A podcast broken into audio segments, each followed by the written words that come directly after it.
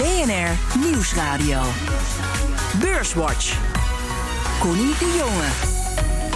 Ja, welkom bij Beurswatch, het beleggingsprogramma op de Nederlandse radio. Vandaag met Wim Zwanenburg, beleggingsstratege bij Stroeven Lemberger. En Bob Hoopman, hoofd van het ING Investment Office. Fijn dat jullie er zijn. Ja, de beurs eh, leek deze week wel een knipperlicht. Hè? Dan weer naar boven, dan weer naar beneden. Beleggers lijken een beetje stuurloos. Uh, het optimisme over een snel herstel lijkt in ieder geval verdwenen. Bob, vind jij dat terecht dat ze iets minder optimistisch zijn? Ja, eigenlijk wel. Want uh, we zijn natuurlijk heel snel al na maart uh, enorm opgelopen. Nu sinds anderhalve maand ja, blijft het een beetje op hetzelfde niveau. En ik vind het al best wel uh, vrij hoog. Hè. Waarderingen en zo zijn veel hoger dan voor corona. Dat mag misschien ook omdat de rente wat geda gedaald is. Uh, maar ik snap wel dat het ehm, niet, niet veel verder hoeft. Wim, uh, hoe kijk jij naar die coronabibbers die ineens weer de kop opstaken? Ja, je ziet het aantal coronabesmettingen enorm oplopen ja. wereldwijd, maar vooral in de VS, in de zuidelijke staten, in Florida en Californië en nog andere. Ja, 41 uh, van de 50 staten zag ik nu dat het aantal besmettingen weer ja. stijgende is. Ja, en het uh, dreigt het geval te zijn dat die versoepeling ook in de VS te snel is uh, geweest. Dus uh, ja, er zat zo'n enorme druk om uh, de economie weer te heropenen. In het oosten denk ik dat dat goed was. New York State en Manhattan enzovoort. En de rest te snel. Mm -hmm. En natuurlijk ja, de druk die Trump ook voelt. Hij wil zijn herverkiezing natuurlijk bevorderen. Door de economie weer te laten herstellen. Want de misery index, het aantal ja. werklozen enzovoort, dat, dat, is, dat is groot. Ja. Um, ja, dus nou, ik denk dat dat nu wel uh, twijfel uh, zaait. En je ziet echt een verschil. Hè. Wereldwijd waren de curves aan het kantelen, dus aan het dalen. En nu lopen ze in de VS weer, uh, weer op. Nou, volg, ja, nou volg jij die techsector op de voet. Hè? Ja. Daar hebben ze nog steeds wel een roze bril op. Ja, nou ja, uh, maar je ziet uh, die techsector is ook uh, qua winst en omzetontwikkeling min of meer corona-proof. En de techsector heeft juist een extra impuls gekregen. Digitalisering, work at home, di digitale entertainment enzovoort. Dat heeft een enorme impuls gekregen. -hmm. We krijgen dus nog eens een keer een impuls. En bovendien een aantal andere sectoren, uit, uit meer de value, de waardegedreven sectoren, daar zag je een enorme waard, vraaguitval. oliewaarde, energie, terugval. Nou, alles wat met horeca en, en andere dienstverlening te maken heeft. Dus er is meer schaarse groei en daar focussen beleggers dan ook op. Maar Bob, in die techsector lijkt wel de sky the limit, hè? Ja, ik, bedoel, ik denk, hoe ver kan het nog gaan? Uh, Zo'n Tesla, oké, okay, dat is. Uh, uh, daar zegt iedereen van, van het is gekke werk wat daar gebeurt. Maar ook Amazon, Apple, weet je, het blijft maar omhoog gaan. Ja, ja dat, het verbaast me ook, moet ik zeggen. Uh, Amazon, uh, 3% per dag is de standaard een beetje. En op een goede dag 5% om, omhoog. Ja, daar lopen beleggers denk ik toch wel een beetje achter elkaar aan. Wel terecht, hè, want het is inderdaad de enige groeisector. Maar daar gaan waarderingen gaan wel een rol spelen ik moet wel zeggen, dit soort dingen hebben we natuurlijk eerder gezien. Hè, dat uh, iets, iets nou ja, bijna logaritmisch omhoog gaat. Dat houdt een keer op, maar het gaat vaak, vaak langer door dan je denkt. Dus ik denk nog niet dat het afgelopen is. Nee. Laten we even terugkijken ja. op uh, de afgelopen week. De week begint met de terugkeer van het orakel van Omaha. Superbelegger Warren Buffett laat van zich horen met een grote aankoop. Hij vond de meeste aandelen tot nu toe veel te duur. He sold all of his uh, his uh, shares in, in US airlines at the beginning of May. Since then, he is looking for the long term. And so people have been wondering what he's going to do with this 137 billion in cash. Ja, van die enorme berg geld geeft Buffett 10 miljard dollar uit. Hij koopt Dominion Energy, een grote Amerikaanse distributeur van gas. Verder is het een week waarin heel veel ontslagen worden aangekondigd. Bij Daimler, het moederbedrijf van Mercedes, worden nog eens 10.000 banen geschrapt. En ook bij motorenfabrikant Rolls-Royce en vliegtuigbouwer Airbus gaat het mes erin. We need to act now by adapting our workforce to reflect the new situation in the commercial aircraft sector and protect the longer-term future of the company.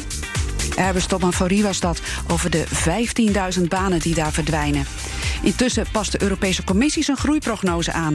De recessie wordt nog dieper dan verwacht. De economie van de eurolanden krimpt dit jaar met gemiddeld bijna 9 procent. Toch houdt eurocommissaris Gentiloni de moed erin. The recovery is underway. but it is uh, still surrounded by uncertainty. In ieder geval zal het economisch herstel, zo denkt hij, volgend jaar ook minder groot zijn. Ja, laten we beginnen met Warren Buffett. Um, eindelijk laat hij weer eens van zich horen. Hij koopt uh, Dominion Energy. Ik geloof dat hij 1500 kilometer aan gasleidingen heeft gekocht in feite. Um, Bob, hoe verrassend vind jij dat hij juist in de energiesector nu 10 miljard stopt?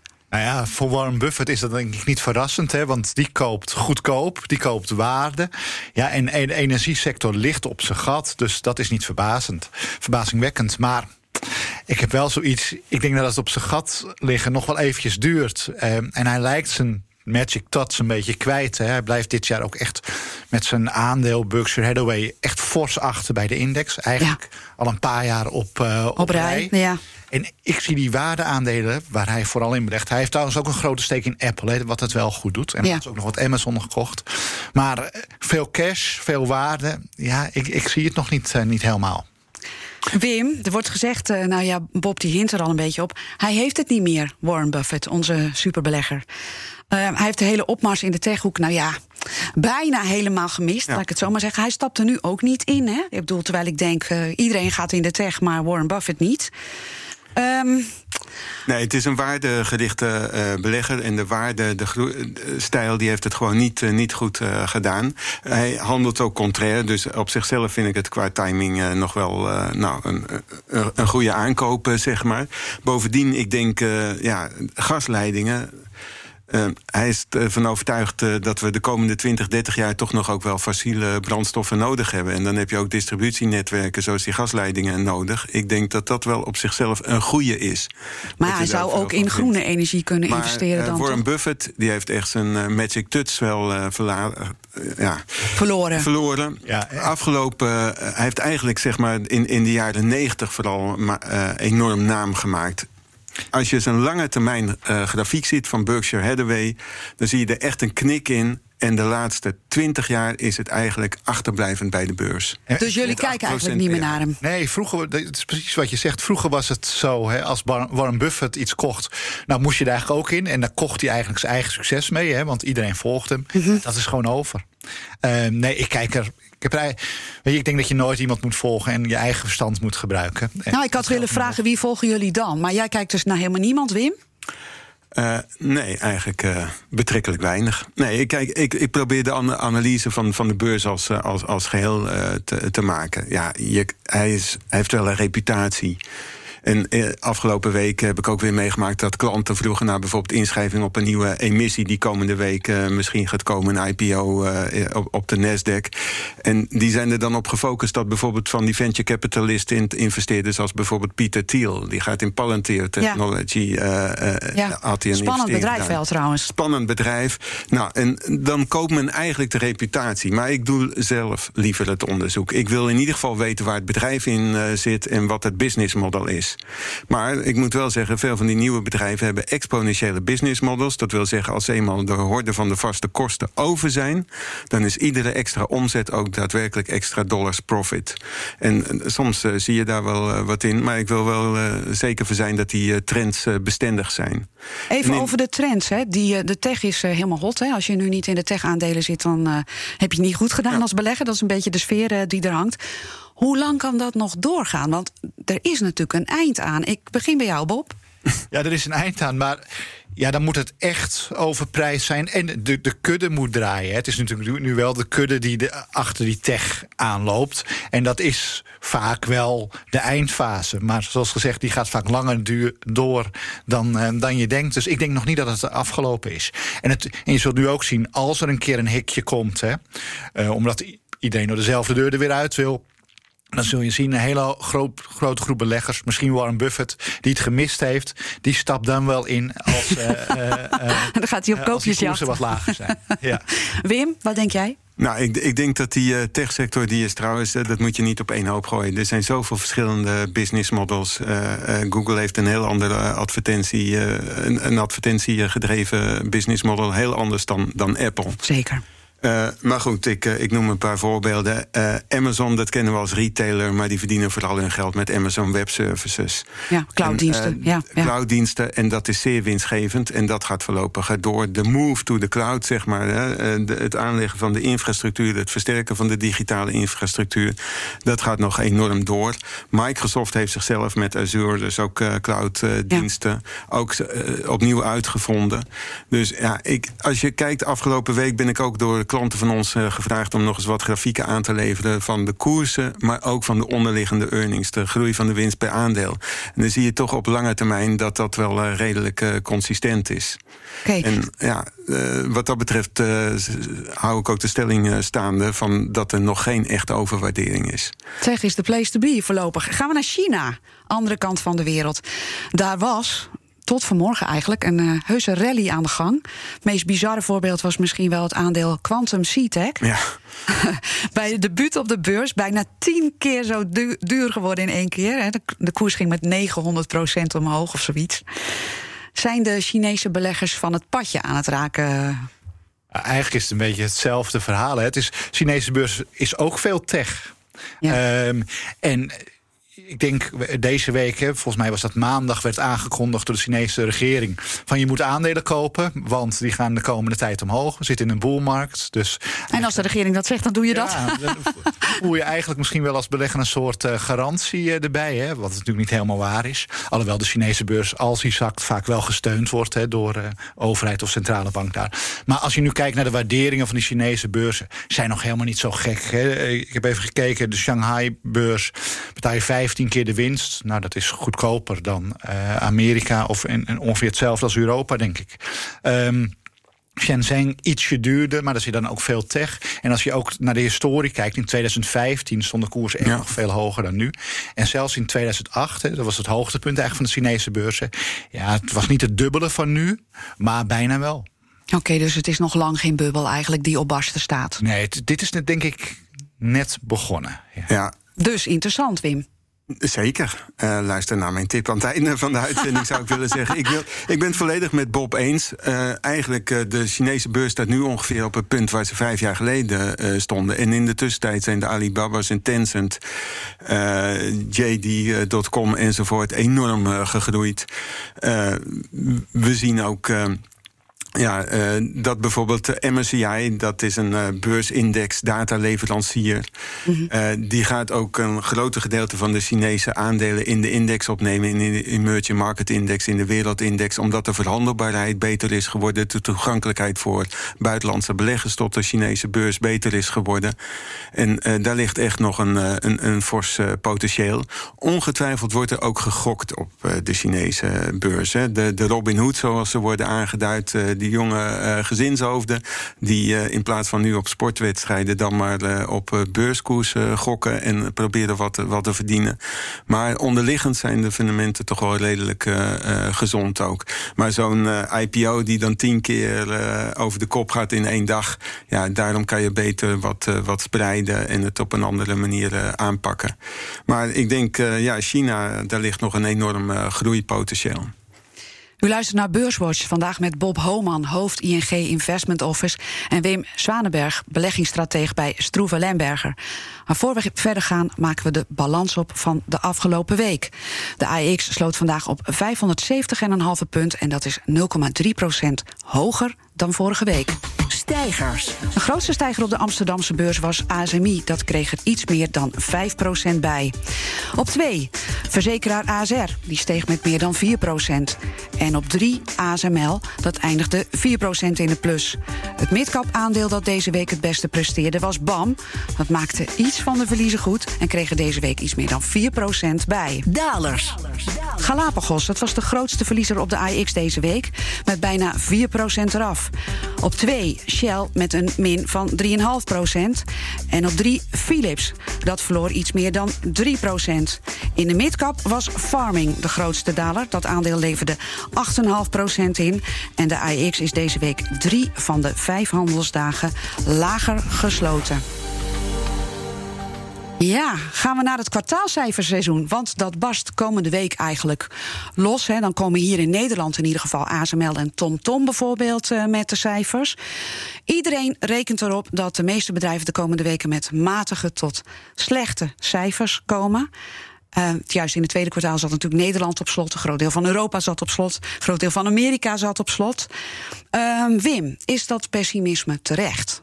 Nou, we hebben natuurlijk een enorme lockdown gehad. Dus uh, bij sommige bedrijven was, uh, werd gewoon geen omzet uh, geboekt. Ja. Terwijl de vaste kosten natuurlijk doorlopen. Dus als je kijkt, het is echt dramatisch. voor de S&P 500 daalt de gemiddelde winst per aandeel... zeg maar met meer dan 40% ten opzichte van een jaar geleden. In Europa, voor de Stock 600... dat is een brede Europese marktindex... is het zelfs meer dan 50 procent. Maar, maar beleggers kijken natuurlijk vooruit. Vooruit, en zijn we ook niet heel erg bang gemaakt door bedrijven, zodat we uh, ons nu vast schrap Veel zetten. bedrijven hebben hun prognoses hun, uh, in, ingetrokken. En uh, ja, dus analisten moeten echt op eigen kritische factoren beoordelen. Mm -hmm. uh, we hebben voor de bedrijven die al gerapporteerd hebben, er zijn enkele geweest de afgelopen weken, zien we ook enkele positive surprises. Noem maar bijvoorbeeld uh, FedEx. Uh, ja, die was goed, inderdaad. Nou, de vrachtvliegtuigen en, en thuisbezorgen, dat loopt allemaal redelijk goed. Ze werden ook nog eens een keer geconfronteerd met lagere brandstofkosten. dus daar zag je een enorme meevaller. Maar ook een aantal andere. Maar bijvoorbeeld bij Nike viel het nog weer net tegen. Dus het loopt heel erg uiteen. Ook de winsttaxaties voor de verschillende sectoren. Uh, de olie- en energiesector, ja, daar gaan we zelfs waarschijnlijk van een winst naar een verliessituatie. Ja, vandaag ook de waarschuwing dat we misschien nog wel weer een tweede keer zo'n uh, down, hoe zeg je dat, zo'n golf naar beweging, beweging naar beneden krijgen bij, in de oliesector. Internationaal Energieagentschap okay. waarschuwt daar vandaag voor. Van, uh, door de, door de uh, enorm langdurende pandemie in Amerika vrezen zij dat uh, de gevolgen in de oliesector daar gaan doorwerken. En dat er dus eigenlijk een tweede golf ja. naar beneden daar gaat komen. Ja, ik denk wat Wim zegt, 40, 50 procent lager. Als je naar small caps kijkt, die komen er heel veel. Of bijna allemaal, zelfs op verlies Nog uit meer, dit, ja. um, dit kwartaal. Uh, en de verschillen zijn enorm. Hè. Die IT-aandelen die gewoon meer winst boeken. Mm -hmm. um, en inderdaad de olie aan de, aan de andere kant die gewoon verliezen maken. Nou, dat zie je. De verschillen op de beurs zijn ook nog nooit zo groot geweest als dit jaar, denk ik. Hè. Tussen de IT-sector en de energiesector zat vandaag 55 procent koersverschil, year to date. Dat heb ik eigenlijk nog nooit gezien. Um, dus er zit ook al een deel in, uh, in die koersen verwerkt. Maar die trends lijken wel even door, uh, door te gaan. En je moet er, ja, de analisten moeten er dan vooral bij die bedrijven die het zo slecht doen, doorheen kijken. Uh, om dan eh, nog nog enig positivisme uh, te krijgen. En voor de techsector geldt natuurlijk eh, ook voor die clouddiensten. Er is natuurlijk wel een deel van de groei nu naar voren gehaald. Hè. Het is allemaal wat sneller gegaan. Dus daar moet ook een analist denk ik wel rekening houden... dat hij zijn toekomstige groeipad ietsje lager in gaat, uh, gaat schatten. Maar ja, ik denk per saldo... Um, er zullen een paar positieve uitschieters zijn, maar toch ook wel veel negatieve verrassingen. Wat natuurlijk wel zo is, de beurs is niet de economie. Hè. Met name de Amerikaanse beurs is bijna de helft tech gerelateerd. Dus daar doet de beurs het gewoon wel iets beter dan de, krimp van de economie. In hoeverre zijn uh, zeg maar die tegenvallers waar bedrijven nu mee gaan komen ingeprijsd? Dat beleggers daar al op vooruit zijn gaan lopen? Nou, ik denk als je naar de waarderingen kijkt, hangt er ook vanaf uh, welke waardering. Als je kijkt naar de huidige earnings, ja, dan is de beurs, zijn de beurzen overgewaardeerd. Maar kijk je wat verder uh, vooruit, en ik zie ook uh, winstramingen voor 2021 en 2022, die liggen dan weer hoger dan bijvoorbeeld de cijfers van 2019. Het hangt natuurlijk echt wel van het herstel van de economie en, af en of we dat vaccin gaan, gaan krijgen. Ja, daar is er zeker optimisme wel in de beurs verdisconteerd. Aan de andere kant, Tina, there is no alternative. Er staat heel veel geld langs de zijlijn. In de, in de money market uh, funds enzovoort. En uh, vastrentende waarde, ja, zeker voor particulieren is dat uh, volstrekt niet aantrekkelijk uh, meer. Maar moet ik dan concluderen, Bob, dat eigenlijk maakt niet zo heel veel uit hoe slecht die cijfers van bedrijven zijn? De beurs gaat gewoon verder omhoog? Nou, nee, ik ben toch bang van niet. Hè? Want je, wat je ziet in de economie is een soort V-vormig herstellen. En, en dat zie je gewoon echt wel terug. Alleen die rechterpoot van die V wordt in mijn ogen lager dan het, het was. En voor die economie weer op peil is, zit je in 2022. En voor winsten dan op peil zijn, zit je niet voor de techbedrijven, maar de hele markt, zit je dan nog verder. En, dan vind ik de beurs echt wel heel ver vooruit lopen. Um, dus... Ja, want wordt het geen W? Nou, dat kan ook nog. Maar uh, wij zien meer een, een, een V die van de rechterkant dan afvlakt. En, en, en wat straks veel langzamer gaat. Omdat die tweede ronde effecten, hè, bijvoorbeeld werkloosheid, wat ja. jij net noemt, ja, die komt er nu pas echt in. Hè. Eerst waren er al die steunmaatregelen, ook in Amerika. Dus die, de echte last van werkloosheid, dat die mensen echt minder gaan verdienen en minder uitgeven, dat moet nog komen. Wim, wat denk jij? Ja, ik ben licht optimistisch. We zijn afgelopen weken wel wat voorzichtiger geworden, omdat we natuurlijk die eh, herleving, opleving van dat virus zien in de, in, in de VS. De VS zit ook later in de, in, in de fasering. Dus wat dat betreft, uh, maar aan de andere kant, uh, ja, overheden en centrale banken hebben zo snel gereageerd. Ook ten opzichte van vorige crisismomenten. er is heel veel liquiditeit de markten ingepompt en dat heeft wel even vangnet gegeven. Ja, uiteindelijk hangt het toch denk ik af van het uh, vaccin waar we met z'n allen op, uh, op, op hopen. Uh, je ziet ook dat veel consumenten hebben toch wel ook, ook voorzichtig gehandeld. Hebben iets van, van een buffer gecreëerd. Hebben weinig besteed afgelopen maanden. Dus zodra ze de kans weer krijgen. En je ziet het ook. Hè, we zien bijvoorbeeld de inkoopmanagers. we zagen de autoverkopen in China. Die, die waren ook behoorlijk beter. Dus hier en daar zien we toch echt wel cijfers die duidelijk op de heropleving en heropening van van de economie eh, duiden. Ja, we zijn alweer bijna aan het eind. Um, ik had het nog met jullie willen hebben over goud. En of, want jij zegt er is no alternative, maar misschien goud. Maar dat bewaren we het misschien wel tot de, de volgende keer. Sinds, sinds, het dieptepunt van de markt heeft goud uh, wel nieuwe hoogtepunten aangestipt. Maar niet meer die enorme rally uh, gemaakt. Maar ja, uh, rente is nul. Dus, en mensen die wat veiligheid zoeken en diversificatie, spreiding, die nemen goud voor 5 tot 10 En goud gaat al, al, al, al tien jaar hand in hand met de reële rente. Dus rente gecorrigeerd voor inflatie. Dus als je verwacht dat die nog dat de inflatie oploopt terwijl rente stabiel blijft, ja, dan kan je nog steeds in goud beleggen. Oké, okay, maar dan gaan we nu wel echt naar jullie tip, want dat was dus geen goud. Uh, Wim, wat is jouw geheimtip voor de luisteraar? Waar kijk jij naar? Naar welk nou, aandeel of welke obligatie? Het is om toch nog je uh, beleggingen in China wat uit te breiden. Uh, wij recent een, een ETF, een indexmandje, en dat zijn de Crane Shares, MSCI A-shares in China. En die vind je op internet het makkelijkst door de ticker-symbool KBA. En voor de Europese beleggers dan moet je de UCITS-vorm kopen die in Londen genoteerd is. Oké, okay, Bob. Ja, de, in, de, in dezelfde hoek, maar dan in Korea. Uh, Samsung is, uh, is tip. Die had cijfers van de week die, die best goed waren. Beter dan verwacht in ieder geval door analisten, ook. ja. Uh, koers heeft nog niet zo heel veel gedaan. Staat het jaar een beetje stil. Dus blijft bij de techsector echt wel uh, achter. Is ook goedkoop. Hè. Voor volgend jaar betaal je 10 keer de winst. Zit nog een dividend van richting de 3% uh, aan. En die markt voor geheugenchips. Ja, als alles tech en een cloud blijft, ja, blijft dat ook wel redelijk liggen. Dus Samsung. 5G komt eraan, dus ja, halfgeleiders, die sector doet het goed. Nou. Ik zei A-shares, maar dat is natuurlijk in het Engels. Hè? Dus het zijn de A-aandelen, Chinese A-aandelen... waarvan de verhandelbaarheid uh, groter wordt... die ook in de MSCI-indices worden opgenomen. En daar kan je een indexproduct breed gespreid uh, van kopen over meerdere sectoren. Nou, jullie zoeken het beide in uh, Azië. Dankjewel, Wim Zwanenburg van Stroeven Lemberger en Bob Homan van ING Investment Office. Allebei bedankt voor jullie commentaar en wijze adviezen. Wil je als luisteraar reageren? Stuur dan een mailtje naar beurswatch.bnr.nl. En terugluisteren kan via de site, de BNR-app, de Apple Podcast-app of via Spotify. Tot de volgende keer.